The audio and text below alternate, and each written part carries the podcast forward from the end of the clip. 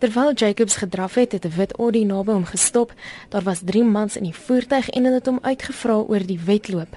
'n Man in 'n swart pak het glo uitgeklim en volgens Jacobs het dinge toe begin skeefloop. Toe gryp hy my aan my kraag en skeer my hemp oop en toe druk hy so wit lap met een of ander sterk chemikalie oor my gesig en toe's alles net blurry van daar af. Toe word ek wakker in die kar met 'n uh, sak oor my kop. Daar's so onder die sak is daar tou wat jy trek. En toe begin ek nou skarrel en sê, "Hoorie, waar, waar is ek nou? Wat nou?" En toe druk hy die geweer teen my en sê vir my, "As jy verder beweeg gaan ek vir jou skiet." Daarna het die bestuurder in Engels gesê dat hy nie geskiet moet word nie omdat Tian glo te waardevol is. Verder het hulle in 'n taal gepraat wat Jacobs nie kon erken as 'n Suid-Afrikaanse taal nie. Die man met die vuurwapen het hom later hardhandig uit die voertuig verwyder.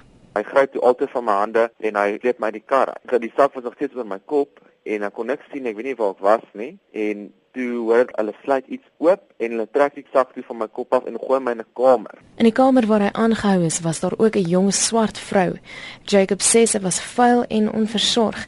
En hy vermoed sy is ook ontvoer en is reeds vir 'n geruime tyd gevange gehou.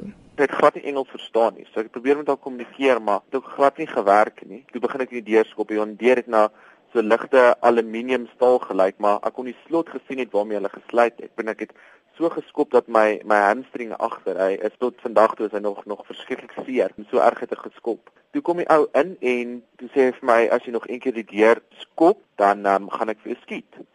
Hy sê gebed het hom gedra.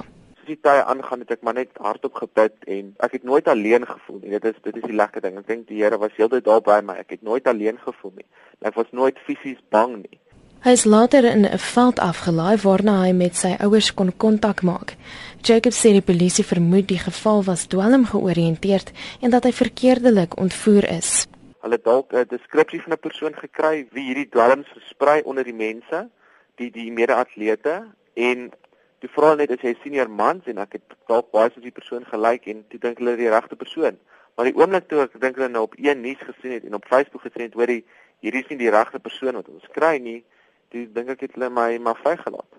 Jacobs ontvang tans berading by die kerk om die gebeurtenis te verwerk. Die hele ding van wakker word met 'n sak oor jou kop en jy weet nie waar jy is nie, dit is enetjie wat by jou gaan hou en veral daai donker kamer, ons is verreg baie lank in die donker kamer met geen kommunikasie nie en ek het nie geweet waartoe ons nou gaan nie, wat nou gaan gebeur nie. Dis nog op iets wat in jou gedagtes bly hoor. Dit was Tian Jacobs. Hy is glo Saterdag net voor 'n wedloop by Herman Immelman Stadion in Germiston ontvoer. Ek is Marlene Forsie in Johannesburg.